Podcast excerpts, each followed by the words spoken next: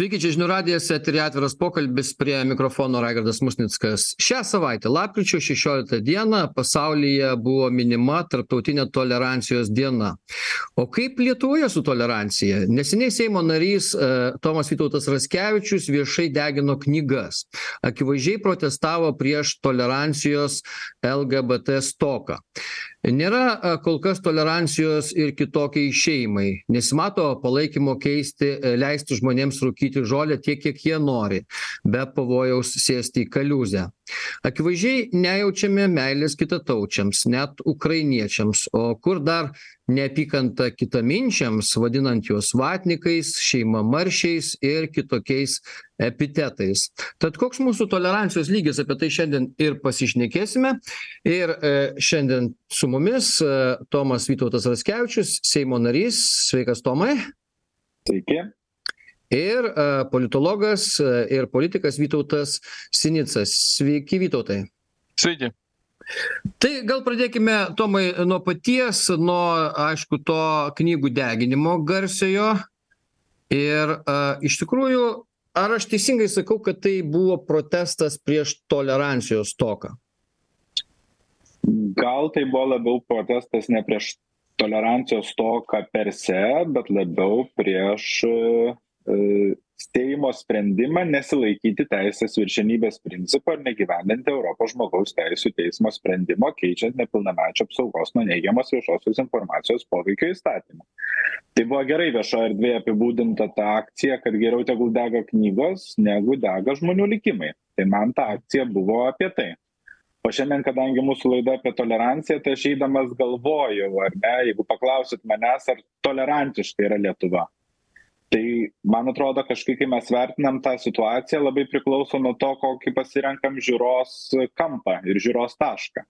Žinot aš kai būdamas seimo nariu ir tuo pačiu būdamas lgbt bendruomenės nariu sėdžiu seime ir klausausi gražulio valkiūno ar dar kitų seimo klounų pavadinčiau taip paistalų apie lgbt bendruomenę jos stigmatizavimą dogmatizavimą tai tada man atrodo kad lietuva netolerantiška. Bet jeigu pasižiūri apie tai kaip mūsų viešasis diskursas kaip viešasis pokalbis atrodė prieš dešim prieš penkiolika metų tai man atrodo lietuva eina teisinga kryptimi.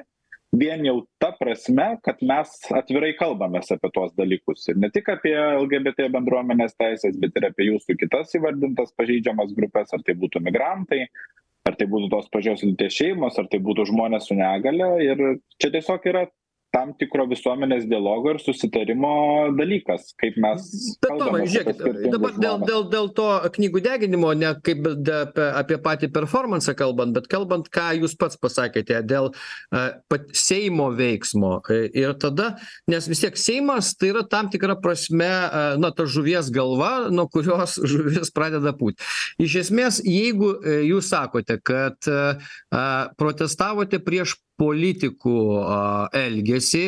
Tai vadinasi o politikai dėl ko jie nevykdė a sakykim europos sąjungos sprendimų? Kodėl? Ar dėl to kad tolerancijos trūksta a sakykim lgbt bendruomenei ar ar kas yra? Ar ar labiau bijoma visuomenės masės? Kaip atsitinka kad vat nu nu nutinka tokie dalykai ir iš esmės mes kalbam čia apie tolerancijos stoką ar apie ką tada tai aš gal kalbėčiau ne apie tolerancijos stoką aš galbūt kalbėčiau apie lyderystės stoką. Tai seimo nariai yra tikrai protingi žmonės deleguoti rinkėjų jie supranta tam tikrus kaip pasakyt neigiamus nusistatymus vis dar egzistuojančius visuomenėj ir tiesiog kartais jiems labai primityviai pataikauja. Tai dėl to yra apmaudu nes man atrodo politikas visų pirmiausia turi būti lyderis.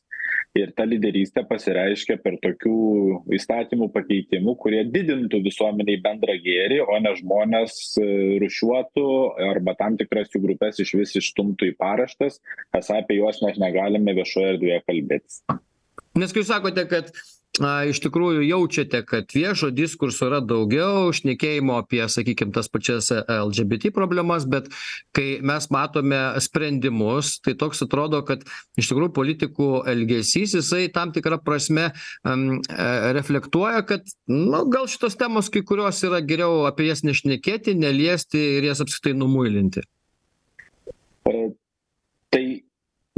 pliuralistinė demokratinė visuomenė ir yra jos ypatybė ane kad joje egzistuoja skirtingos nuomonės. Ir man atrodo tokio e, palaikymo jeigu galima sakyt žmogaus teisių diskursui parlamente niekada nebuvo toks koks jis yra dabar bet jis vis dar nėra dominuojantis. Jis vis dar trūksta nedaug ir tam tikriems įstatymų projektams priimti tai pačiai civilinei sąjungai yra palaikymas bet jo šiek tiek trūksta kad būtų priimti sprendimai. Tai man atrodo čia irgi yra tam tikros visuomenės raidos ir vystymosi etapas ir kitos vakarų visuomenės kurias mes laikom tarkim labiau tolerantiškomis negu lietuvos visuomenė irgi prie tų sprendimų neatėjo per naktį. Jiems užtruko diskutuoti apie tai dešimtmečius ir galiausiai buvo susitarta dėl tam tikrų dalykų. Tai aš net ne neabejoju kad tai įvyks ir lietuvoj vytautai e, e, tomas raskevičius yra laisvės partijos e, narys ir mes čia daug pastarosiom dienom kalbam apie laisvės partiją apie tai kad jiems nepavyksta sakykim arba vienas arba kitas sprendimas jų negirdi koalicijos partneriai. Ir ir iš tikrųjų sakom gal kad na tai gali būt aišku prieš rinkimus kai kurios partijos ir koalicijos partneriai nenori tokių sprendimų kuriuos siūlo laisvės partija. Ar jums tai ką nors signalizuoja signalizuoja apie pavyzdžiui na tolerancijos stoką kažkokią iš iš iš e konservatyvių partijų ar e arba konservatyvių politikų. Ar laisvės partija per daug nori čia visko greitai ir ir ir tiek neįmanoma duoti mūsų valstybei kiek jau nori apsižioti čia oi čia daug klausimų susipynė. Man atrodo pirmiausia tai aš parlamente nežinau konservatyvių partijų. Visą kadenciją tie patys konservatoriai elgėsi ganėtinai liberaliai ir priiminėjo keistus sprendimus pagal savo partijos programą žiūrint. E dabar yra rinkimų metai ir man atrodo kas vyksta spėju nežinau į galvą negaliu įlįsti tai pradėta vėl žiūrėti o ką vis dėlto visuomenė galvoja kad jau čia prieš rinkimus. Ir jie žino ir negali apsimesti kad yra kitaip kad visuomenė tai konservatyviau galvoja apie daugelį dalykų negu kad laisvės partija siūlo. Ir tada pradedama nusigręžti nuo tų gal buvusių kokių vidinių susitarimų nežinau. Man atrodo dauguma tų klausimų tai buvo koalicijos sutarti kaip tokie na laisvi kur kiekviena partija sieks kaip gali. Bet čia aišku tomas geriau žino. Tai man atrodo yra visiškai normalu ir sveika kad politikai kokios bebūtų jų pačių ten pažiūros ir nuostatos man atrodo gana liberalios atsigręžtų į visuomenės nuostatas kurios yra gana konservatyvios. Ir tada ir įvyksta tokie balsavimai kokie įvyksta.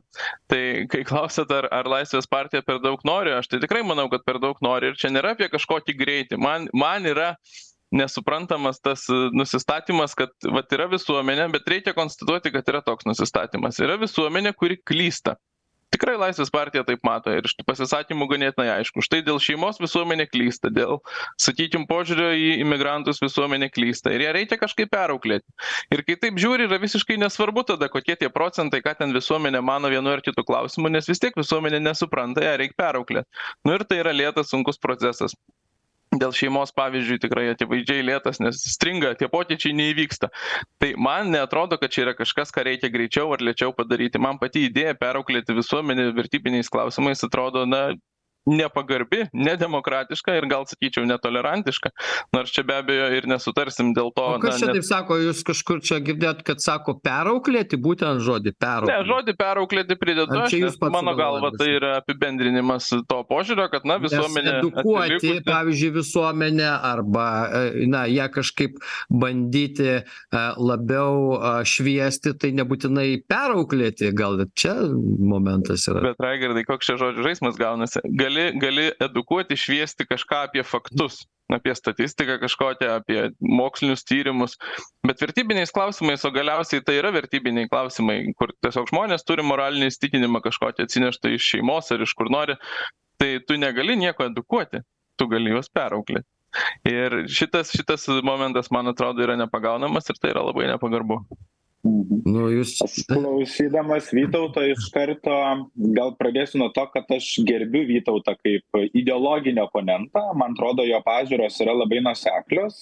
Ir kaip profesorius Radžvilas net yra kažkada jokavęs, kad yra Lietuvoje dvi ideologinės partijos, tai yra Laisvės partija ir nacionalinis susivienimas. Tai aš gal sutikčiau su tokia prielaida. Bet man atrodo, Vytautas ir aš atstovaujam skirtingoms demokratijos supratimo formoms. Aš demokratiją suprantu kaip tokią sistemą kurioje sprendimai yra priimami daugumos balsais bet užtikrinamos ne daugumoje esančių visuomenės grupių pamatinės teisės. Tuo tarpu vytautas kalba apie e, demokratūrą. Jisai kalba apie tai kad dauguma gali priimti tokius sprendimus remdamasi tokiu daugumos balsavimu ir neatsižvelgdama į tam tikrų žmonių interesus. Dabar kai mes kalbam apie visuomenės nuostatas ane tam tikrais klausimais tai natūralu kad visi visuomenėj turi poziciją tai bet kuriuo klausimu ko jų paklaustum.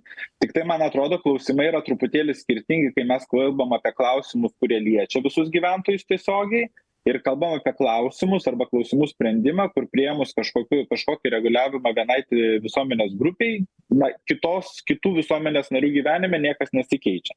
Tai pavyzdžiui pavyzdys nu jo mokesčiai liečia mus visus vienodai kaip lietuvos respublikos piliečius. Tuo tarpu tarkim civilinės sąjungos reguliavimas tai kad aš galėsiu teisiškai apsaugoti savo santykius na vytauto praktiniam lygmeny niekaip neliečia nebent kažkokių jausmų emocijų ar kitam lygmeny. Tai man atrodo tuos dalykus reikia labai aiškiai diferencijuoti. O ir apie visuomenės nuostatas nu tai būkim biedni bet teisingi pripažinkim kad visuomenės nuostatos laiko tėkmėj keičias ir jeigu mes prieš šimtą metų klaustume visuomenės ar moteris turi teisę dalyvauti politiniam gyvenime įskaitant ir teisę balsuoti irgi tam tikrais momentais būtų na gavę neigiamą rezultatą bet tai nereiškia kad šiandien mes šitą sprendimą kvestionuojam. Tai visuomenės nuostatos įvairiais socialiniais klausimais įskaitant ir mažumų teisių klausimais evoliucionuoja ir tai kad jos keičiasi rodo nu ne tik lietuvos patirtis rodo visų kitų vakarietiškų valstybių patirtis vytautai taip norėčiau reaguoti. Tai pirmiausia apie tą demokratūrą įdomus naujas žodis. Aš manau kad ta dilema tarp daugumos teisės spręsti ir mažumų teisių apsaugojimo šiaip jau jos lygtis išsprendimo yra gana paprasta. Kiekviena visuomenė sprendžia daugumos balsais ir kiekviena visuomenė susitaria kiek jinai pati tą savo teisę apribos apsaugodama mažumų teises. Ir tai yra padaroma tiek konstitucijoje arba po to priimant kažkokius įstatymus tiek ir ratifikuojant tarptautinius susitarimus kurie štai ir apriboja. Ir skirtingos visuomenės priima skirtingą kiekį susitarimų ir skirtingais būdais save apriboja.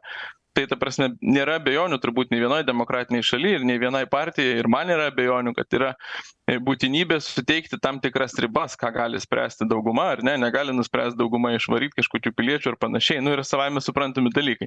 E, bet tai yra vis tiek pačios visuomenės sprendimas kokį apynasrį sau užsidėti šitai galiai. Ir užsideda ir sakyčiau kad mes lietuvos visuomenė esam tuos e, sprendimus priėmę labai adekvačius e, atitinkančius tiek europines normas tiek sveiko proto pirmiausia normas tą reiktų taip pasakyti. Ir na čia negaliu nepaminėti kad pavyzdžiui dėl šeimos sampratos ginčas tai na nėra žmogaus teisės klausimas yra šalių kurios to neturi įskaitant lietuvą ir tai savaime nelaikoma žmogaus teisių pažeidimu. Tai vienas dalykas. E, kitas dalykas e, pabaigoje minėta pamečiau pamečiau kas buvo paskutinis tavo tomai e, dėl visuomenės nuostatų kaitos. Ai be abejonės taip tai mes mes prieš šimtą metų turėjom moterų balso teisę bet čia aišku ne tame esmė. Esmė yra kad taip nu nuostatos keičiasi. Bet yra esminis skirtumas mano galva ar nuostatos keičiasi kažkaip natūraliu procesu ar nuostatas yra labai stengiamasi pakeisti. Šiandien mes gyvenam visuomenėje kurioje nuostatas yra stengiamasi pakeisti. Tiek apie tą patį šeimos klausimą tiek ir įvairiais kitais.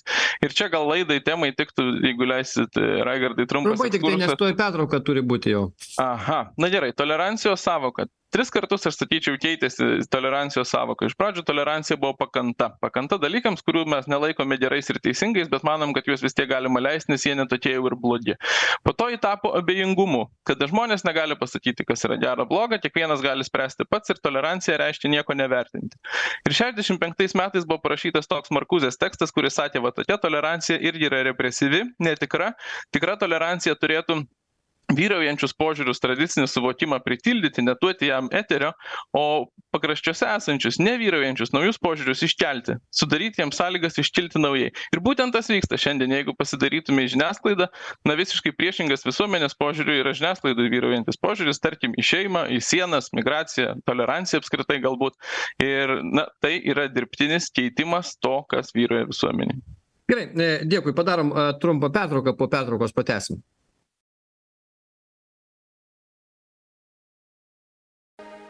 tęsiame atvirą pokalbį. Kiek tolerantiški lietuviai apie tai šiandien šnekamės nes lapkričio šešioliktą dieną pasaulyje buvo minima tarptautinė tolerancijos diena ir ne be reikalo nes iš tikrųjų lietuviai dar gana konservatyvūs. Jeigu kalbam apie šeiminius santykius apie požiūrį į seksualines mažumas į kitus dalykus tai ir aiškinamės kiek čia tos tolerancijos ir kokia tolerancijos dinamika mūsų šalyje tomas vytautas raskevičius seimo narys ir vytautas sinica politologas ir politikas šiandien mūsų laidoje.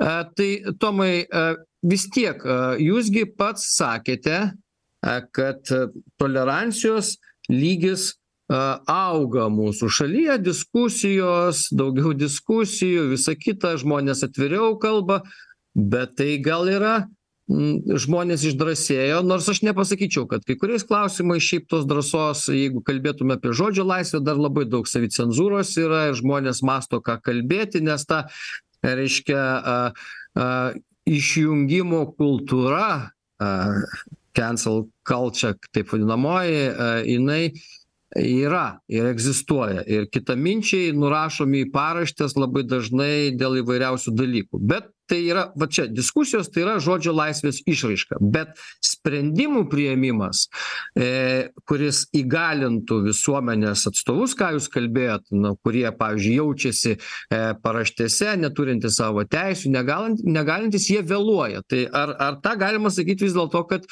šalis darosi labiau tolerantiška Visiškai sutinku su tuo, ką išsakėt, kad visuomenės nuostatos keičiasi, tą rodo ir, ir įvairios visuomenės nuomonės apklausos, ypatingai segmentuojant jas pagal amžiaus grupės.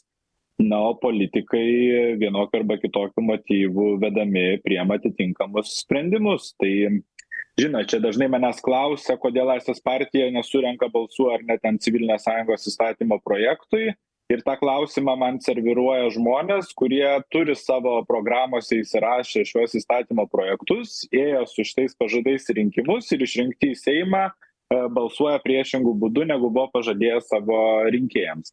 Tai aš ir grįžtu prieš anksčiau išsakytos prielaidos tam tikrais kritiniais momentais. Nesvarbu ar mes kalbėtume apie žmogaus teises arba ne ar nacionalinio saugumo užtikrinimo aspektus ar dar kitus elementus politikoje. Politikai turi parodyti strateginį mąstymą ir lyderystę. Tai yra kokia kryptimi mūsų visuomenė mūsų valstybė e juda ir ir atitinkamai apsispręsti. Jeigu tos drąsos ir lyderystės trūksta man apmaudu.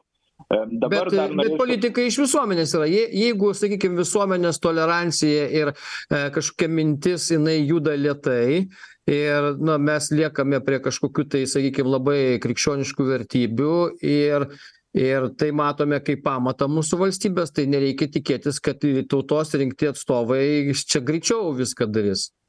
E labai geras pastebėjimas ta apimtim kad gal ir politikas būdamas politikoj na vertina visuomenės sklaidą iš savo asmeninės perspektyvos. Ir man asmeniškai atrodo kad visuomenė keičiasi greičiau negu kai kuriems mano kolegoms atrodo. Ir tai kad tarkime laisvės partija yra parlamente tai kad aš esu parlamente yra labai aiškus to požymis. Daug kas spekuliuoja ar ne kad gal mes susidursim po šitos kadencijos su tam tikrais iššūkiais bet aš manau kad laisvės partija kaip nuosekli ideologinė partija ir toliau bus atstovaujama lietuvos politikoj ir tas atstovavimas didės. Ir tiktai klausimas yra kiek laiko prireiks kolegoms kad jie pamatytų kad tam tikrų klausimų uždarymas ir išsprendimas na negeneruoja tam tikrų politinių taškų. Nu nes būkim atviri. Atvirai homofobinė arba priešiška laikysena tarkim lgbt bendruomenės atžvilgiu kai kurių politikų vertinimu generuoja jiems politinius taškus ir jie ja naudojasi na bet gal jūs radot tam tikrą nišą kalbant apie a dabar politinę paletę visą a ir ir kai kurie nišiniai klausimai. Nu juk dar galima būtų prigalvot. Aš dar su surasčiau sugalvočiau keletą partijų kurios galėtų turėti ten a nišinių klausimų ir juos pastoviai a siūlytų ir ir būtų dėl to matomi. Jūsų klausimai ne ne nu sakykim taip ne visi yra a plataus spektro ten lgbt klausimai tai taip šeimos klausimai partnerystės galbūt. Nu kai kurie klausimai kaip ten e, narkotikų dekriminalizavimo ir taip toliau gali būti labai smarkiai diskutuojami ne dėl tolerancijos o dėl apskritai įtakos. Dėl viešosios politikos implikacijų taip. Čia tiesiog tikriausiai matymas kaip tu pasirenki spręsti kažkokią didelę problemą kokias priemones tam taikai. Bet žinot aš labai gerai atsimenu kai dvide kai devynioliktais metais kūrėm laisvės partiją ir pradėjom šnekėti visais tais klausimais kuriais šnekam ar tai būtų žmogaus teisės ar tai būtų asmenų su negalia teisės jaunų žmonių ir švietimo problemos daug kas tada sukiojo pirštą prie smilkinio sakė nu ką jūs čia darot imat tuos klausimus apie kuriuos nieks politiškai nekalba ir niekam čia tie klausimai na neaktualūs. Tai pasirodė kad labai daliai visuomenės yra labai aktualūs kitai visuomenei svarbūs tiek kad kalbam mes labai daug apie šitus klausimus tai natūralu kad poreikis iškylantis iš visuomenės šių klausimų aptarimui politiniu lygmeniu egzistuoja. E, dėkui. E, padarom e, trumpą pertrauką, naujausios žinios. Vytautas klausėsi čia įdėmiai ir rezgė kokią tai mintį, aiškiai po pertraukos išgirsime.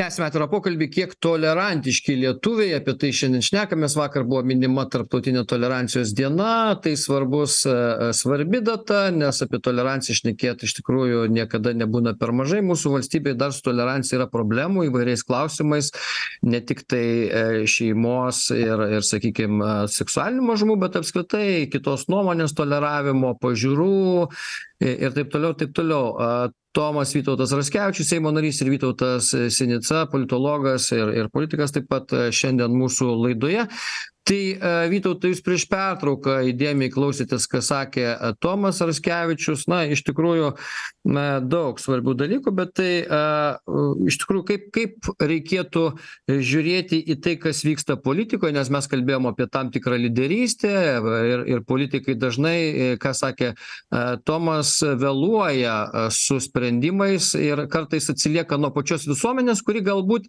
gerokai greičiau tampa tolerantiška įvairiems dalykams negu patys politikai. Kaip jums atrodo? Kai kuriais atvejais tai būna bet pavyzdžiui jeigu čia vis tiek taip tvyro tarp eilučių tas šeimos klausimas šiandien tai aš manau kad yra priešingai. Visuomenė pagal apklausas laikosi ten septyniasdešim plius procentų prieš o seime šiandien aš sakyčiau yra gerokai daugiau esančių už. Ir ta prasme negu kad visuomenėje ir tiktai tai kad dabar rinkimų metai gal sulaiko sulaiko žmones nuo to elgimosi ne pagal savo rinkėjų nuomonę. Čia aišku yra truputis spekuliacijos dėl seimo sudėties gal tomas geriau žino bet matyčiau šitaip. Man atrodo nuskambėjo klausimas prieš tai paties raigardai apie tai ar galima absoliuti tolerancija ir ar mes ją galim pasiekti.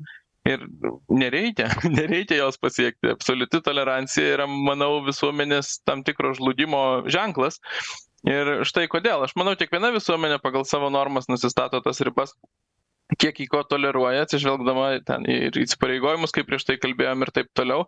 Bet yra ribos kiek visuomenė negali toleruoti. Ir negalima toleruoti to kas pradeda grėsti tai visuomenės sanklodai stabilumui ir išlikimui. Na pavyzdžiui švedija ar ne? Švedija buvo turbūt viena tolerantiškiausių gal tolerantiškiausia kitų kultūrų atstovams visuomenė labai tuo didžiavosi tikrai ir ir jokių stabdžių šitai savo tolerancijai netaikė. Šiandien na tikrai akivaizdžiai gailisi šito ir supranta kad vis dėlto yra riba kurią peržengus tai tampa pražūtinga. Na mes kalbam apie viešojo saugumo problemas šiandien švedijoj aš drįstu referuoti nes matau kad lietuvos žiniasklaida jau kas yra tam tikras pokytis apie tai daug rašo ir kalba. Kad ten kariuomenė pasitelkta viešajam saugumui užtikrinti kad žmonės žūsta gatvėse nes gaujos kariauja kas švedijos visuomenei yra visiškai svetima ir nauja ir neįprasta ir jie truputį kaip na čia nenoriu šaipytis bet kaip vaikai prieš tuos kitų kultūrų atstovus kurie yra na pakankamai žiaurūs ir brutalūs. Ir tai yra tas taškas kurį pamatai per vėlai labai dažnai jeigu mąstai tiktai na va būkime tolerantiški tas taškas peržengtas kada jau pasikeitė iš esmės tos visuomenės gyvenimas ir pasikeitė į blogą manau kad akivaizdžiai dėl to kad buvo toleruojama per daug. Tai nėra tokio protingo tikslo kad tiesiog kuo daugiau bet jeigu žiūrėtume aišku į tautų persikraustymą kažkada tai didįjį ir taip toliau tai dėl to kai kurios valstybės susikūrė aišku dėl dėl to kai kurios ir žlugo bet bet Tai iš esmės tu niekada negali planuoti ka kada bus gerai kada bus blogai. Mes matom dėl to kad aišku švedijoj vyksta gaujų karai kas yra nu ne šiaip sau ne multikultūriškumo galbūt išraiška o tiesiog nu per daug per daug nusikaltėlių nėra arba nusikalstamai mąstančių žmonių iš esmės bet jie nėra švedai. Nu jie nėra lieka švedai neištarta jie nėra švedai. bet bet iš esmės tai švedijos problema kad jie nesugebėjo pakankamai gerai e, jų a asimiliuoti sakykim. Tai čia kitas dalykas tai vadinasi buvo nepasiruošę procesams tą padaryti. Tai vat klausimas yra kur čia ar ar mes apskritai manome žiūrėdami į švediją kad ai ne čia apskritai europai tai gresia tada krachu nu toks elgesys. Ar mes turime ga galvoti apie tai kad to tiems žmonėms gal kažkaip reikia padėti kurie vienaip ar kitaip bando že žve žengti į europą bet iš kitos pusės a nu pasiruošti jų priėmimui taip kad jiems nereikėtų ten gatvėse kariauti. Čia klausimas. Nu kiek aš gilinausi į šitą temą tai nėra faktiškai nėra tokio dalyko kaip sėkminga musulmonų masinė integracija. Ta prasme kol tai yra pakankamai mažos bendruomenės tai yra įmanoma bet šiaip tai yra labai stipri tapatybė pakankamai niekinamai žiūrinti į europietišką sekuliarią tapatybę mūsų kultūrines normas mūsų turiu galvoj apskritai europines ir ne nematanti jokio reikalo integruotis į žemesnę jų manymu šiek tiek patvirkusią kultūrą. Tai nem nežinau pavyzdžių kur tai būtų sėkmingai pavykę ir ir na čia mes galim apie senais laikais lietuvoj lietuvoj karaimus kokius kalbėti bet apskritai šiais laikais šiuolaikinės migracijos kontekste to nebūna. Ir nebūna iš dalies ir dėl to nei viena šalis vakaruose nebandė. Tai skaitosi nekorektiška netolerantiška asimiliuoti kaip pats sakei tą žodį a kitos kultūros žmones nes o kuo gi mūsų kultūra geresnė kad mes galėtume asimiliuoti. Taip yra mąstoma toj tolerancijos paradigmoj. O iš tikrųjų reikėtų jeigu jau vis dėlto yra priimami žmonės iš kitų šalių sakykim mūsų atveju ne iš islamo šalių mes čia dabar tarkim masiškai baltarusius mokesčius priiminėjam ta apimtim kiek tai vyksta mes taip privalom integruoti asimiliuoti netgi gal galima sakyti e tuos žmones jeigu jie nori čia gyvent kiek mačiau tyrimus nori gyventi nori likti ne laikinai atvyksta. Ir tai yra būtina išlikimo sąlyga bet kurios visuomenės kuri nori ne tik a egzistuoti toliau bet ir b egzistuoti tokia kokia yra keisdamasi tiek kiek pati nori o ne dėl to kad kažkas ją už ją pakeis. Ir labai gerai va kas buvo paties pasakyta didysis tautų kraustymasis atsiranda naujos visuomenės istorija nesibaigia visada kažkas bus po mūsų vietoj mūsų. Bet kiekvienos bendruomenės ir taip pat lietuvos ir bet kurių kitų tikslas pirmiausia turėtų būti išlikt patiems ir žiūrėt o ko reikia kad mes išliktume kad gyventume čia nežinau po šimto ar kiek metų tai dėkui vytautai įdomios įžvalgos. Tai va tomai grįžtant prie tada to tolerancijos kartelės buvimo kiek ją galima kelti nes na vytautas a bando arba beveik ir įrodė kad yra pavojai per daug toleruojant dalykus e kai kuriuos patiems prarasti savo valstybingumą nežinau savo vertybes tam tikras galbūt kažkokias tai e ir tada nu laisvės partija nežinau ar jūs ten konkrečiai e e ar ten lgbt bendruomenė ar koks nors civilinės partnerystės socialinės partnerystės modelis ir dar kažką jie tarsi grasina pamatinėms vertybėms. Ir ir kur tada ta raudona linija čia turi būti žiūrėkit mes ir dažnai kai vis pokalbiuose kalbam apie toleranciją ir šiandien laidoj tai mes kalbam apie toleranciją kaip vos ne tokią socialinę filosofinę sąvoką ir jos implikacijas visuomenės gyvenime man tai labai paprastai tolerancija susiveda į teisės viršenybės principą. Reiškias kad mes visuomenėj susitariam dėl tam tikrų taisyklių ir tos taisyklės galioja visiems. Ir nesvarbu čia mes kalbėtume ar apie šeimos sąvoką ar apie europos žmogaus teisių teismo sprendimo įgyvendinimą ar apie nediskriminavimą plačiąja prasme reiškias visiems įstatymai taikomi vienodai. Lietuvoj to vis dar trūksta tą rodo kai kurie ir teismų sprendimai. Čia vytautas labai dažnai referavo šio pokalbio metu į šeimos sąvoką nu bet konstitucinis teismas yra devynioliktais metais išaiškinęs šeimos sąvoką bet štai vytautas atsisako vertinti taip pat kaip tą yra pasakęs subjektas kuris oficialiai aiškina konstituciją. Tai man atrodo čia tikriausiai yra apie tai tolerancija nėra abejingumas tam kas vyksta aplink mus tai kas vyksta visuomenėj nes toks abejingumas veda į apolitiškumą ir į apilietiškumą. Tai jokiu būdu negalima kažkaip savęs cenzūruoti kažkokius klausimus iš viešosios erdvės eliminuoti nes visuomenė nu susitaria apie tai kas yra bendrasis gėris ir kaip jo siekt dabar gal dar trumpai sureaguosiu į apie tam tikrus migracinius ir integracinius dalykus apie kuriuos kalbam. Štai referuojam į švedijos pavyzdį kuris tikrai turi labai daug e, problemų ir tikrai gerai jūs raigardai akcentavot į kriminalinį to tų problemų pobūdį kurie iš dalies gal yra susiję su imigracinėmis integracinėmis tendencijomis gal ir nėra iki galo susiję.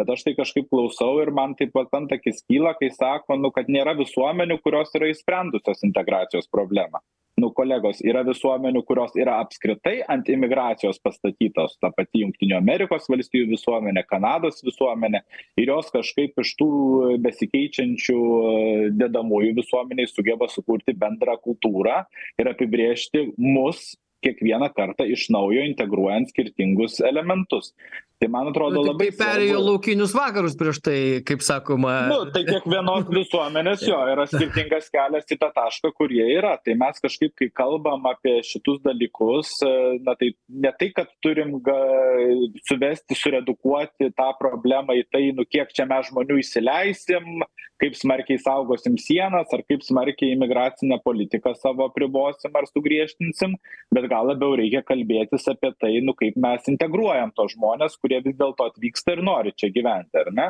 Na, pavyzdžiui, toks labai geras ir iliustratyvus šitos problemos aptarimo pjūvis yra, nu, kai mes kalbam, ar pavežėjai turi e, turėti prievalę kalbėti lietuviškai, ar ne, kad galėtų čia gyventi Lietuvoje, nes jeigu nekalba lietuviškai, susidurėm su to daug problemų ir šita problema yra pateikiama per diskriminacijos, lygių galimybių prizmę. Aš, būdamas žmogaus teisų, manau, e, vienas aiškesnių balsų šiandien Lietuvos politikoje, manau, kad taip, turi žmonės, kurie dirba su kitais žmonėmis mokėti ir kalbėti lietuvių kalba, nes kalbos mokėjimas sukuria tam tikrą bendrumą, tai kas mus siekia. Sieja, žinot, aš galiu būti jododis, aš galiu būti musulmonas, aš galiu būti dar kas nors, bet jeigu aš kalbu lietuviškai, aš su mumis visais dalinuosi bendrais tam tikrais kultūriniais nuorodomis, kultūrinėmis nuorodomis, tam tikrais bendrumais, kurie mane priartina prie tos bendruomenės. Tai man atrodo, čia yra tik ir klausimas, kaip mes esam pasiruošę prisileisti kitokius žmonės prie savęs, bet tuo pačiu būdu ir kokias sąlygas mes sukūrėm tiem žmonėms integruotis. Tai man atrodo, šitas pokalbis yra reikalingas, o vertinant Lietuvos demografinės tendencijas, man atrodo, kad tas pokalbis yra net ir neišvengiamas. Vytautai. Į porą dalykų norėčiau sureaguoti. Pirmiausia, tai mes sutarėm dėl, dėl pavėžėjų, bet dėl, dėl visuomenių, Dėl kurios... tai- pavėžėjų ir dėl kalbos mokėjimo pavėžėjams, nes Dėl kalbos mokėjimo čia dar klausimas atskiras. E, Visuomenė įdomiai čia dabar pasiskiršiusi dėl pavėžėjų, signalus mes čia visokius gaunam, tai ne visai ten kaip. Bet dėl kalbos turbūt taip. Taip, o dėl visuomenių, kurios, kurios sukurtos e, faktiškai imigracijos pagrindų, tiesa, ir čia pagrindinis pavyzdys, aišku, yra JAV, bet tos visuomenės, kuriuoms tai pavyko, jos buvo, šiandien sakytume, žiauriai asimiliacinės. Pavadinimas, kurį net vadovėliuose mokyklose tikrai, man atrodo, iki šiol rašo, yra, kad JAV buvo tautų katilas. Ir ne tik dėl to, kad laukiniai vakarai, dėl to, kad visi, kas ten atvažiuodavo, turėdavo tapti amerikiečiais, perimti kalbą, kultūrą, simbolius, mylėti kalakutą ir taip toliau. Ir tas buvo griežta ir tas veikia. Ir tas veikia ne tik ten, veikia gal ir Prancūzijoje, ir Kanadoje, ir kitur.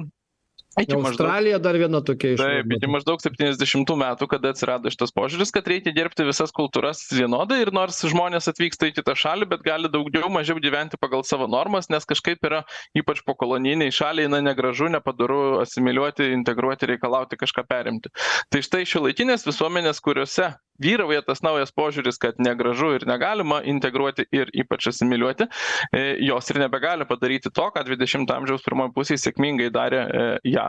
Tai tos šalis, kurios tą sėkmingai darė, jos neturi jokių, kaip čia pasakius, multikultūrinių tautinių normų, neturi pirmiausia valstybinių mokyklų nevalstybinė kalba, kur mes tampam jau tam tikrais babuinais, nebežinau, e, ta prasme mes paskutiniai, ko gero, būsime Europoje, kurie turi valstybinių mokyklų tinklą nevalstybinę kalbą, Latvija tai atsisakinėja, tai yra posovietinis reiškinys, mes vis dar tą darom. Ir, na, kiti panašiai susiję dalykai, tai šitoje vietoje man atrodo svarbu pažymėti. O kitą dalyką norisi pažymėti, ką Tomas sakė apie tai, kad negalima būti abejingiems tai, kaip tai, kas, tam, kas vyksta valstybėje, kokios normos yra priimamos ir negali būti temų, apie kurias negalima kalbėti. Bet prieš tai minėjai, kad yra dalykai, kurie liečia mus kaip mokesčiai ir dalykai, kurie neliečia, na, kaip tarkim, turbūt šeimos samprata. Ir ką aš šitai norėčiau atsakyti, kad pilietį, žmogų, kuriam rūpi jo valstybė, tai liečia visi. Liečia, ta prasme, ne emociškai ir jausmais, o ta prasme, kad e, tau kaip piliečiui pavyzdžiui man kaip piliečiui yra svarbu ar man teisingi ar neteisingi atrodo įstatymai pagal kuriuos gyvenam. Įstatymas kuris man gal neaktualus šiandien kaip koks nors ten nežinau taršos mokestis arba įstatymas kuris aktualus vienodai vienodai aktualu net jeigu tiesiogiai asmeniškai neliečia nes liečia kaip pilietį kuriam rūpi kad valstybėj egzistuotų teisingi įstatymai. Žmonės kurie mąstė kitaip kuriuos lietė tik tiesiogiai juos liečiantys dalykai senovės graikai vadindavo idiotais. Ir man atrodo kad nors dabar nekorektiška bet reiktų dažniau grąžinti šitą žodį į mūsų gyvenimą vat šita prasme. Kad mąstyti tik apie tai kas mus asmeniškai liečia na yra idiotiška. Mes turim galvoti apie valstybę apskritai ir vertinti visus įstatymus teisingi jie ar neteisingi tai va čia kaip syk mažumų teisių klausimas arba socialinės partnerystės klausimas a ir yra mąstymas apie kitus plačiąja prasme. Ir kai mes nubuksuojam juos į į šoną tai vadinasi esame idiotai gal ne ne tai kai vyksta atvira sąžininga diskusija kokią mes pavyzdžiui atrodo sugebam čia palaikyti ir kurios aš sakyčiau trūksta visuomenėje daugeliu klausimų tai ji turi būti be etikečių ir tiesiog apie tai o kas yra labiau teisinga? Mes tarkim su tomu turim skirtingus požiūrius apie tai kas yra labiau teisinga. E suteikti šeimos statusą visoms to norinčioms poroms ar laikytis požiūrio kad šeimos statusas yra tik vyrui ir moteriai. Konstitucinis teismas beje taip pasakė savo nuomonę. Konstitucinio teismo kanclerė man atrodo buvo pirmoji kuri pasakė kad lyčiai neutrali šeimos samprata nurodo į tai kad motina su dukra yra nors abi moterys bet šeima. Tai čia irgi ne nebūtinai sinica turi kitokią nuomonę bet jeigu mes žiūrėtume trumpai labai vytautai nes laikas baigėsi jeigu trumpai žiūrėtume iš valstybės pozicijos ką jūs sakote tai vat sakykim kai kurie laisvės partijos siūlymai jie kaip nors kenkia valstybei ar ne? Nu ten palikim tą sakykim dekriminalizavimą čia atskiras klausimas ir platus labai bet šeimos klausimai vat partnerystė stambulo konvencija ten dar kažkokie dalykai kas ar jie ar jie iš tikrųjų jūsų akimis pakenktų valstybei? Tikrai taip.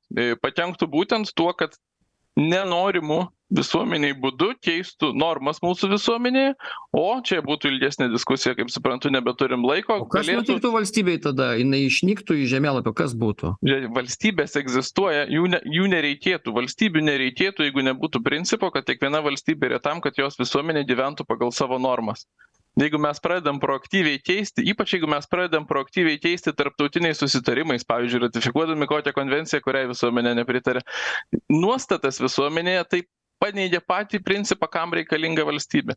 Jeigu valstybė būtų reikalinga tik tam kad mes na tarkim turėdami žmogaus teises ir padorų pragyvenimo lygį socialines garantijas gyvenam būtų logiška kurti imperijas ne okupacijų būdu bet tiesiog kažkokias federacijas kuo didesnes būtų efektyvu galbūt.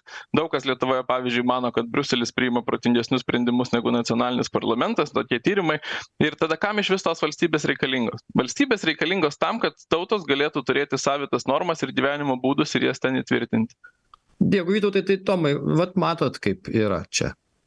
Valstybė svarbu net ir pritardamas pamatinei prielaidai kad valstybės yra reikalingos tam kad visuomenė apsispręstų dėl tam tikros savo autonomijos vis tik negaliu sutikti kad kurie yra pagrindiniai valdantys principai. Man tai pagrindinis valdantis principas kad lietuva yra teisinė konstitucinė valstybė kur garantijos teisinės galioja visiems.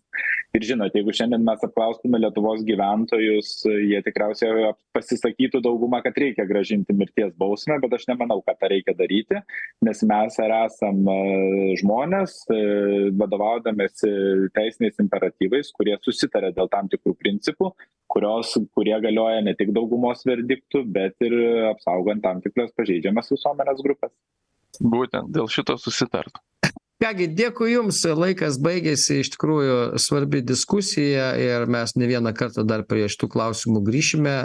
Matyt ir mums patiems reikia gerai pasikalbėti tarpusavyje ką mes galim toleruot o kas dar lieka ties raudonų linijų riba. E tomas vytautas raskevičius vytautas sinica šiandien buvo mūsų pašnekovai. Ačiū visiems kas klausėsi. Tai buvo atviras pokalbis. Iki kitų kartų